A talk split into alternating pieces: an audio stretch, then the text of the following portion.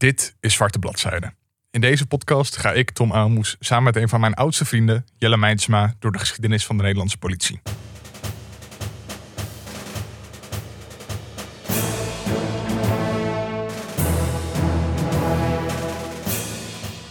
En in deze aflevering hebben we het over de Jordaanoproer in 1934. Mhm. Het is eigenlijk een beetje de combinatie van waar we het de afgelopen paar afleveringen over gehad hebben. Over steeds toenemende politiemachten, militarisering van de politie, Mhm. eh, het groeiende rode gevaar tussen aanhalingstekens. Mhm. En de angst vooral daarom, want dat motiveert mensen vooral. Ja. En dat mondt allemaal uit in het Jordaanoproer in 1934. Mhm.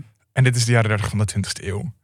Dat is geen goede situatie voor mensen om in te leven, toch? Zeker, ja. Want natuurlijk, inderdaad, je hebt nog de crash van de jaren 20 gehad. En dat duurt ook tot de Tweede Wereldoorlog. En je ziet dan ook echt immens veel onrust en armoede. Ook inderdaad omdat het aan alle kanten gekort wordt. Er is geen werk, uitkeringen wordt op eh, bezuinigd. En ja, de algehele toestand is gewoon ellendig. Ja, en dat is ook omdat in Nederland eigenlijk wel anders op die crisis van de jaren 30 gereageerd wordt, toch? Ik bedoel, je hebt daar. Ja.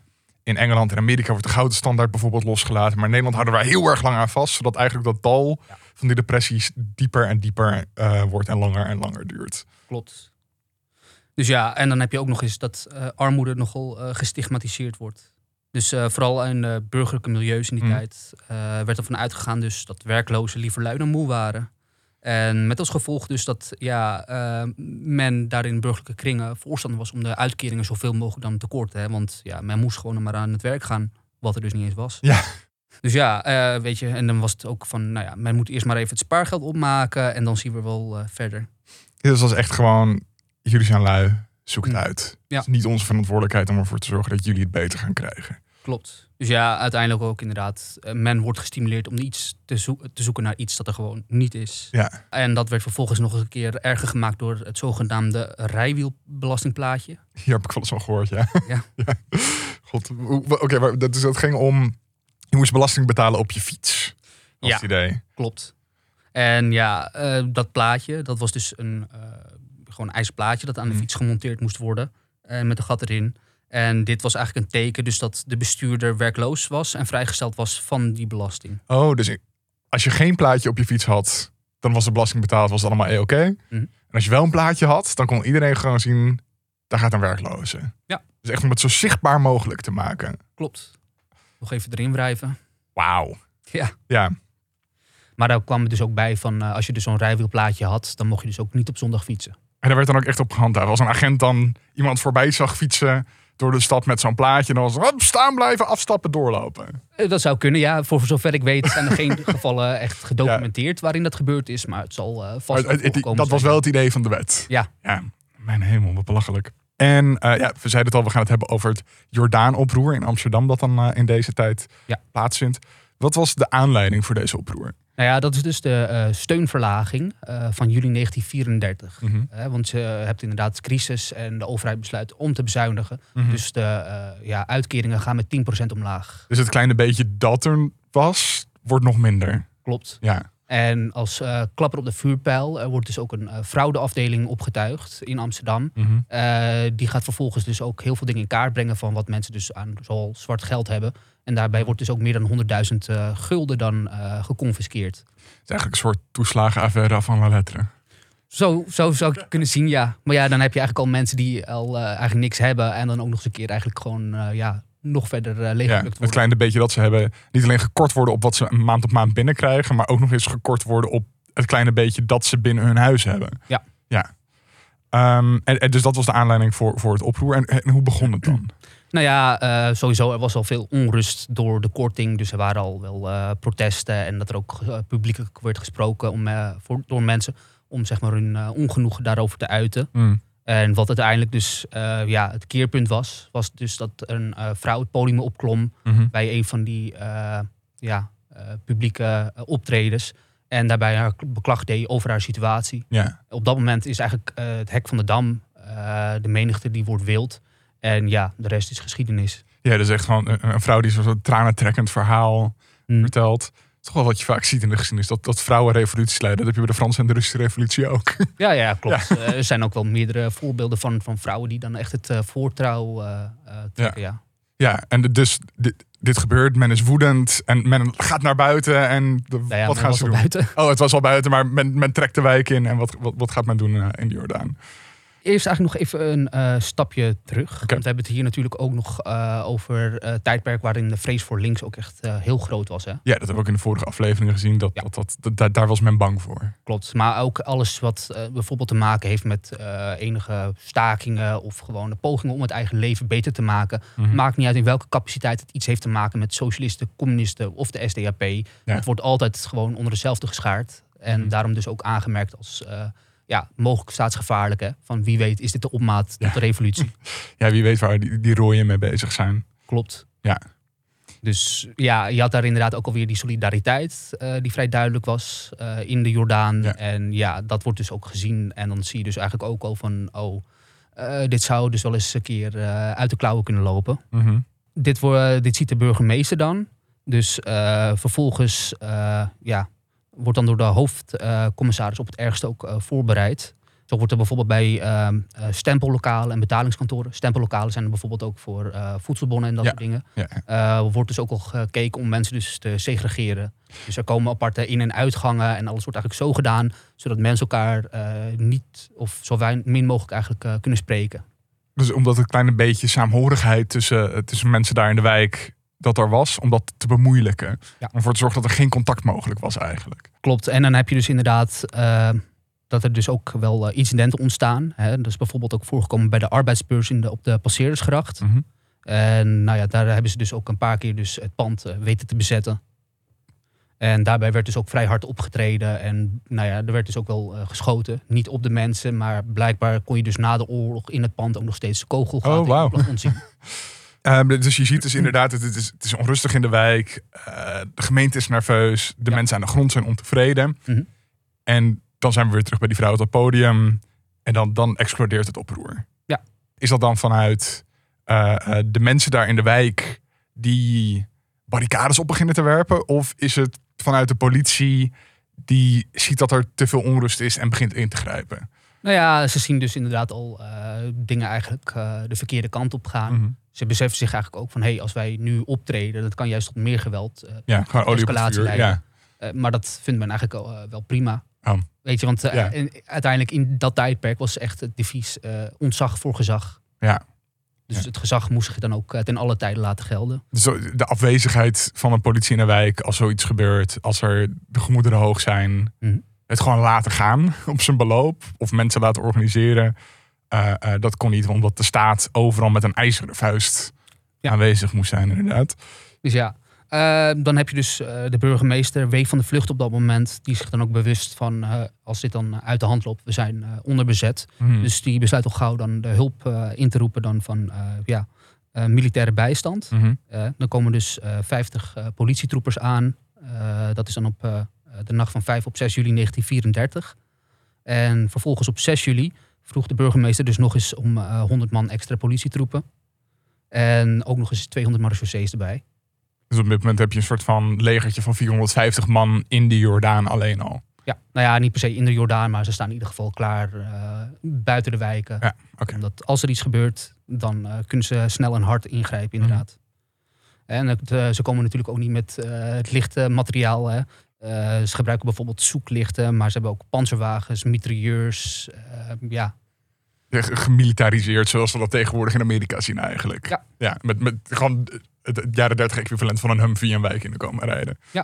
Dus eh, ja, uiteindelijk op de vooravond van de oproer zelf leek het vrij rustig. De eerste verlaagde steun, die wordt dan op 3 juli uitbetaald. En nou ja, veel mensen die beginnen dus ook te protesteren. Hè? En vervolgens, ehm, ja, het was eigenlijk gewoon spontaan. Communistisch blad, de tribune, die springt hier bovenop. Eh, die ziet dan natuurlijk weer kans om zieltjes eh, Ja. te winnen. Zoals ze altijd doen. Ja, op de avond van dus, eh, of diezelfde avond, eh, ja, was er dus van het werkloze strijdcomité Lauriergracht een vergadering in de Harmonie aan de Rozengracht. Mhm. En nou ja, dan valt het dus nog mee. Maar ja, op een gegeven moment komt dus die vrouw op het podium waar ik eerder over vertelde. Ja. En ehm, nou ja, al dus de schrijver eh, deed zij dus op hysterische wijze haar eh, verhaal. eh, hoe zij dus ja, slachtoffer was van deze catastrofe. Ja. En ja, nu vloeg dus de vlam in de pan. En ja, er hadden dus ook al buiten het pand een paar honderd mensen zich verzameld. En, en die begonnen spreekkoren te vormen. En het werd uiteindelijk gewoon ook een spontane democratie. En op dit Demonstratie. Het werd spontaan. Je zei democratie. Oh ja, Een spontane democratie. is wel zo. Ja. Maar ja, ehm, ja, de politie die eh, ziet dat en die greep vervolgens in. Mhm. Eh, vervolgens beginnen de mensen dus de straten op te breken en dus ook met de stenen of de klinkers dan eh, naar de politie te gooien.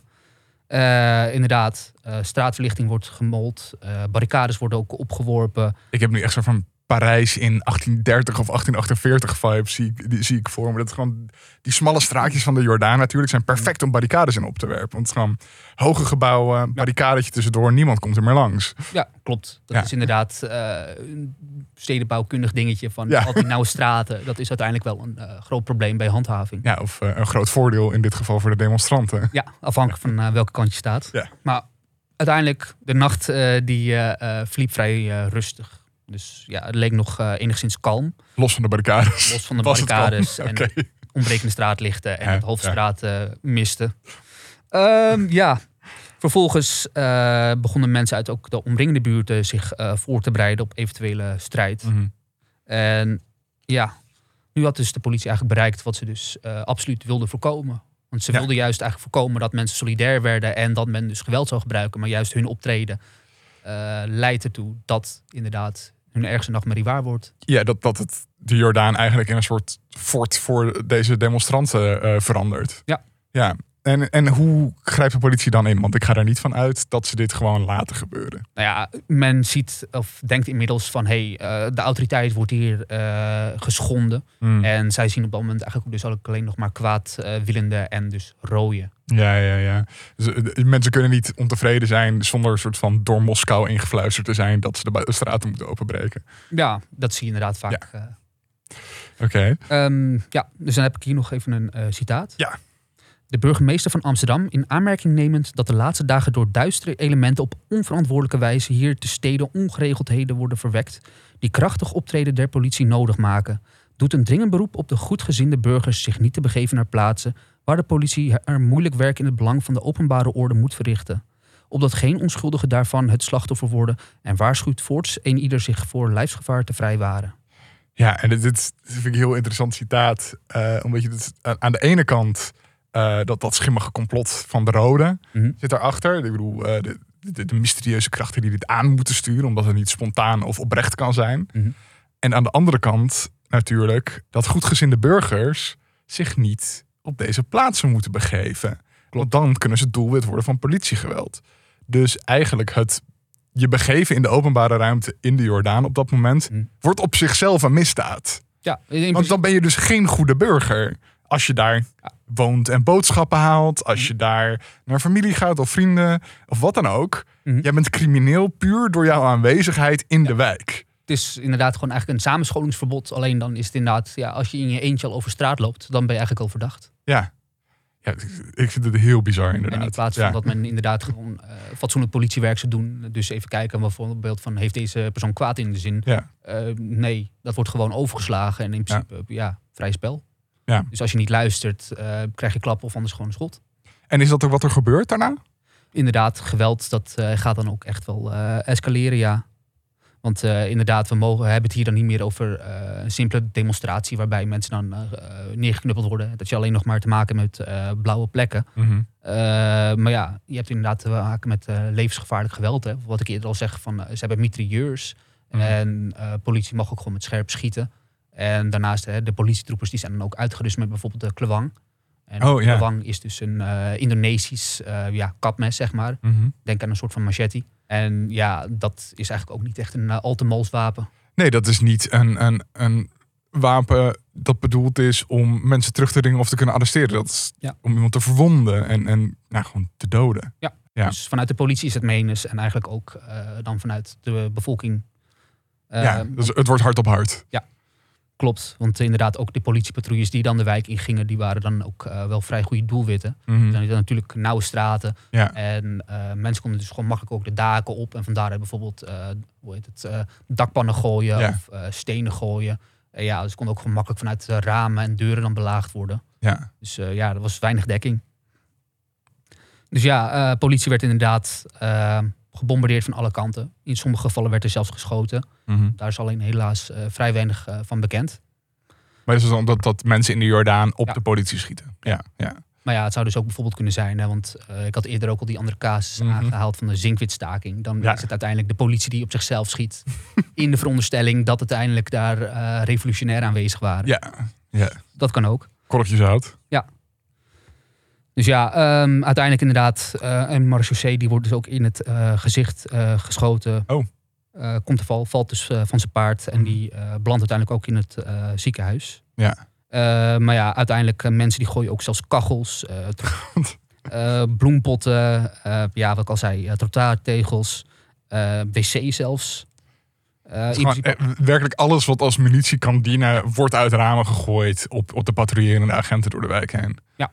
Ja, dus het, dit is echt een slachtveld. Klopt. Dus ja, ehm, dat kwam natuurlijk ook eh, weer als eh, extra intimiderend over. Want ja, Ja. eh, je bent eigenlijk omringd door vijanden. Dus ja, op een gegeven moment wordt dan ook strikt bevolen om dan de ramen en deuren dicht te houden. Want op het moment dat je dus in een opening staat, heb je Ja, ook al vrij spel. En daar zijn dus ook al meerdere mensen dus door om het leven gekomen. gewoon puur dat ze in hun raamopening staan te kijken, misschien naar wat er op straat gebeurt. Bijvoorbeeld. Ja. Maar dat, Of hè, om ver te zijn met een dakpannetje achter hun rug ja, staan te kijken wanneer ze toe kunnen slaan. Bijvoorbeeld ja, maar dat Ehm, weten we niet. Nee, maar dat, dat, dat weten we niet. En dat weten zij ook niet op de grond, de politie. Mhm. Ja, en je zei dus die, die panzervoertuigen, Mhm. die worden ook ingezet. En, en wordt dat dan ge- gebruikt om gewoon door die barricades heen te breken, bijvoorbeeld? Eh, die worden eigenlijk vooral aan de buitenkant van de wijk eh, gestationeerd. Dus bij eh, meer strategische knooppunten. Ja. En dat is dan ook meer bedoeld als ja, intimidatie. Eh, Het Ja. is ook de eerste keer in Nederland dat eh panzervoertuigen op deze manier worden ingezet Oh. bij een demonstratie. Ja, En nou ja, voor zover bekend is, is daar eh, verder geen gebruik van gemaakt. ook omdat de politie op dat moment zelf nog niet echt de tactieken heeft om dat efficiënt in te zetten waarschijnlijk. Nou ja, ook omdat het eigenlijk een paardenmiddel is. En het is ook een beetje ja, taboe om zeg maar, met een eh, mitrailleur op mensen Ja, dus- inderdaad, ja. Dus dat is echt het laatste redmiddel. Ja, fijn dat dat taboe blijft. ja. Ehm, maar, maar hoeveel slachtoffers vallen hierbij? Want je hebt dus geweld allebei de kanten op. Na- naar wat kijken we hier? Eh, al dus de gemeente Amsterdam, hè, dat eh, Mm. lees ik dan op de site amsterdam.nl. Oké. Eh, zou er dus al met al op het einde van de oproer vijf doden, 56 zwaargewonden gevallen. En waren door de politie 107 mensen gearresteerd. Al met al valt me dat eigenlijk mee. Klopt. Met, met de middelen die ingezet zijn vanaf allebei de kanten. Eh, ik bedoel, een, een toilet op je hoofd krijgen kan ook vrij dodelijk zijn natuurlijk voor een agent. En nou ja, de mitrailleurs en de panzervoertuigen, daar hadden we het al over. Maar dat valt me al met al wat mee, nog mee. Want dat, hoe verloopt het dan uiteindelijk met, met het eh, eh, oproer? Wordt het snel de kop ingedrukt? Of, of eh, eh, is, is dit echt een situatie die weken voor het ettert? Nou ja, het eh, houdt uiteindelijk op op eh, 8 juli. Dus uiteindelijk het duurt echt maar een paar dagen. Mhm. Eh, uiteindelijk gaat de politie dus eh, ook met gepantserde voertuigen, of motorvoertuigen eigenlijk. Ehm, dan is het voor mij ook niet helemaal duidelijk wat ze hier precies mee bedoelen. Want dat zou eventueel ook kunnen duiden op die ehm, ja, Die panzerwagens waar we het net over hadden? inderdaad. Eh, maar ja, met motorvoertuigen kunnen ze ook inderdaad gewoon wagens eh, bedoelen. Mhm. Maar men nam dus die motorvoertuigen eh, en ging men te voet en te paard eh, de wijk in. Mhm. En die gingen dus ombreden en breden. Dat waren dan verschillende kernen. Ja. Die gingen dan apart ook eh, de wijk in. En dat waren dan zelfstandig opererende politie-eenheden. Die waren dan een beetje houtje touwtje opgezet. Ja. En die bestonden dan uit eh, politieagenten, politietroepen en marechaussee. Ja, zo'n bonte mix van eh, alle verschillende soorten politie, militaire politie en politie-militairen die we, die we hebben. Ja, eigenlijk alle smaken bij elkaar. Ja. Ehm, maar ja, eh, uiteindelijk die vallen dan wel allemaal onder eh, het bevel van de gemeentepolitie. Dus in enige mate heeft de gemeente dan nog wel ja, het gezag. Omdat ook natuurlijk omdat zij de wijken beter kenden dan mensen die ja, misschien nooit in Amsterdam zijn geweest. Ja.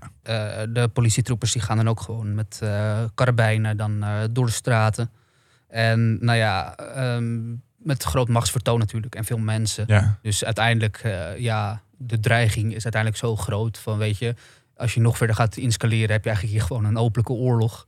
ja, en brand je eigenlijk die hele wijk plat. Klopt. Dus ehm, ja, uiteindelijk, uh, men zwicht daar wel voor. Mhm. Eh, dus ja, dan uiteindelijk wordt uh, Jordaanoproer beteugeld en kan men dan de puin gaan ruimen. Mhm. Ehm, ja, dit is eigenlijk ook dan in de jaren 30 uh, het einde van alle grote opstanden of oproeren. Uh, dit is eigenlijk ook dan um, ja, wat een beetje wat mensen zeg maar echt breekt. Van hier hebben ze dan echt door ook van weet je, het absolute dieptepunt is bereikt. Van we kunnen hier gewoon met geen mogelijkheid uit. Want elke poging om maar iets te verbeteren, dat wordt gewoon uh, ja, keihard gewoon de grond ingetrapt. Ja, dus waar we het in het begin over hadden, dat, dat de overheid zich moest laten gelden. Ja. en overal met een ijzeren vuist aanwezig moet zijn. Mm -hmm. dat is eigenlijk gelukt. Ja. De overheid heeft erdoor behaald. Klopt. Hoera. En weet je, uiteindelijk de crisis die blijft dan doorlopen tot de Tweede Wereldoorlog. Ja, want in Nederland duurt die bijzonder lang. Klopt. vergeleken met landen om ons heen. Mede ook inderdaad omdat gewoon eigenlijk alles wat de overheid had kunnen doen niet gedaan wordt. Ja, ja precies. Dus um, ja, de crisis die duurt voort en men dacht eigenlijk wel, ja, de angel is uit het revolutionaire deel van de bevolking gehaald. Maar ja, men was uiteindelijk toch niet helemaal gerust erop. Dus ja, er werden nog wel steeds strikte controles uitgevoerd Mhm. op ordeverstoorders. In principe gewoon iedereen die dan maar als bijvoorbeeld rood werd aangemerkt of uh, mogelijke oproerkraaier. Ja. En dat was je dan in principe al als je gewoon vroeg om meer loon. Ja. Ehm, Durf ja. je. Maar ja, vervolgens um, ja, heb ik nog één citaat dus van de Mhm. Centrale Inlichtingendienst. Dat Ja. is dan de voorloper van de AIVD. Ja. Uh, die meldt dus dan in 1937 een vrijwel geheel ontbreken van sociale onrust, loonconflicten, stakingen, uitingen van oproerige geest, politieke demonstraties, zelfs van pogingen tot opruiing of agitatie op politieke vergaderingen. Dat is wel uh, Ja. weer genoegzaam. Mhm. Die, die hebben er, uh, die zitten van, ah, goed gewerkt. Ja. Lekker gedaan. Klopt. Schouderklopje voor ons. Ja, en uh, dan heb je ook ja, de media zelf nog, die er ook nog een schepje bovenop doen. Ja, want, want hoe wordt hier naar gekeken? Ja, nou ja, eigenlijk alle gerenommeerde kranten van die tijd, die zijn dan ook op hand van de overheid. Mm. En ja, uh, het optreden in Amsterdam wordt eigenlijk gewoon vrijwel juichend uh, ja, begroet. Oh. Ja, want het was uiteindelijk ook uh, hè, het idee hier van het gaat om oproerkraaiers. Die moesten les geleerd worden en dat was gedaan. Ja, Dus, dus goed werk. goed werk verricht. Zeker. Nog meer schouderklopjes. Ja. Maar dat, dat, En dat, ja, dat verbaast me wel dat, dat er zo onkritisch naar gekeken wordt. Dat je gewoon, mensen worden gekort op hun uitkort, uitkering, Mhm. kunnen nauwelijks rondkomen, komen daarvoor op.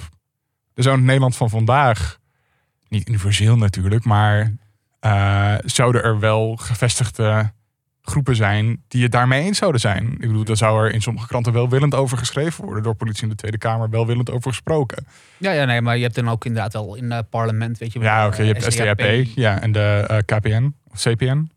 Uh, ja, ja, maar dat is ook inderdaad weer zo'n dingetje. En uiteindelijk ook is het van alle media, of veel van de media, hè, die is dan ook vaak Mhm. uh, socialistisch, anarchistisch, communistisch. Dus dat is dan ook alweer uh, vaak taboe. Dus die zijn dan ook weer Ja. afhankelijk van in welke kringen je bevindt dan verboden. Ja, maar in, in de algemeen toegankelijke kranten die je bij een kioskje ergens kan kopen, is het er gewoon, nou, lekker gewerkt. Mhm. Ja. Ja.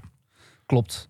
Dus ja, en uiteindelijk hè, in die artikelen uit die tijd worden dus de politiemensen dan ook omschreven als uh, onvervaarde leiders, uh, onverschrokken manschappen in de strijd tegen kwaadwillende elementen. Ja, en er was dus blijkbaar ook een geïllustreerd blad uit die tijd Mhm. die um, de hele geweldsuitbarsting als een soort fotoroman uh, weergaf. Oh, Het, ja, het werd eigenlijk gewoon een beetje geromantiseerd in sommige gevallen zelfs. Dus ja, Ja. en dan uh, inderdaad uh, nog één citaat dan ook weer Ja. van de Centrale Inlichtingendienst. Uiteindelijk dan ook gewoon een evaluatie op Hmm. dan de afgelopen jaren. De af- algemene stemming was in de tweede helft van de jaren 30 droefgeestig, moedeloos en berustend, maar zeker niet revolutionair. Het hoofd van de Centrale Inlichtingendienst rapporteerde in 1938 dat er politieke rust als nooit tevoren heerste.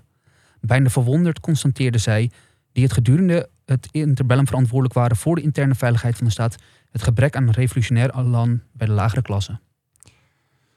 Dus je ziet hier dus eigenlijk echt, en dat is een conclusie waar we bijna niet aan kunnen ontkomen, denk ik, na de afgelopen vier afleveringen, dat Nederland aan het begin van de 20e eeuw nagenoeg een politiestaat was. Ja.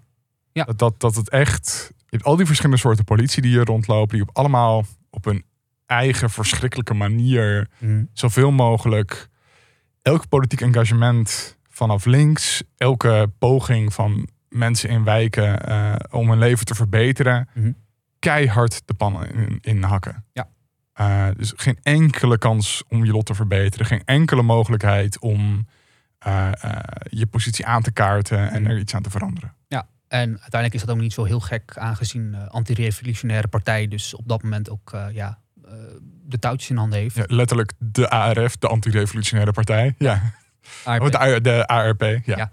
Ja, nee, inderdaad. Ehm, ehm, ja, weet je, dat zegt niet, wil niet per se zeggen dat het politieapparaat echt een monolithisch geheel is. En dat men Nee. ook in de overheid eh, als één eh, stem, zeg maar, is. Nee, maar dat, zagen we ook. Ik bedoel, de, de verschillende soorten organisaties tussen politie, marechaussee en politietroepen. Dat is een soort allegaartje. Ja. Maar dat allegaartje heeft als effect Hmm. eh, eh, dat er onvrijheid heerst eigenlijk. Maar ja, ook inderdaad zie dan eh, in de politiewezen zelf dan vakbonden ontstaan in de 20e eeuw. In Hmm. sommige gevallen ook veel eerder nog. Ehm, maar ja, ook daar is dus grote verdeeldheid. Want ja, dat is ook allemaal weer gebaseerd op bijvoorbeeld of je een sociaal-democraat bent. Of dan weer eh, katholiek of Mm. protestants bijvoorbeeld. Ja. Maar ja, bijvoorbeeld ook die linkse, eh, of de meer linkse politievakbonden worden dus ook dan weer gezien als verraders. Nee, ik snap, ik snap wel inderdaad dat ze zo gezien worden door collega's. inderdaad. Ja. Ehm, Maar ja, ook, Ja. weet je, zie je dan bij die politievakbonden, ook al zijn die echt heel erg gematigd, weet je. Ze zijn Ja. gewoon sociaal-democratisch. Weet je, ze ambiëren geen revolutie of zo. Of eh, weet je, eh, roepen niet dingen als van, eh, weet je, dood alle rijken of noem maar op, wat Ja. je kan bedenken. eat the rich. Het is gewoon meer van, weet je, ook dat ze gewoon opkomen voor hun mede-politie-mensen. van, Ja. weet je, onze arbeidsomstandigheden zijn eigenlijk heel slecht. We willen eigenlijk gewoon wat beters.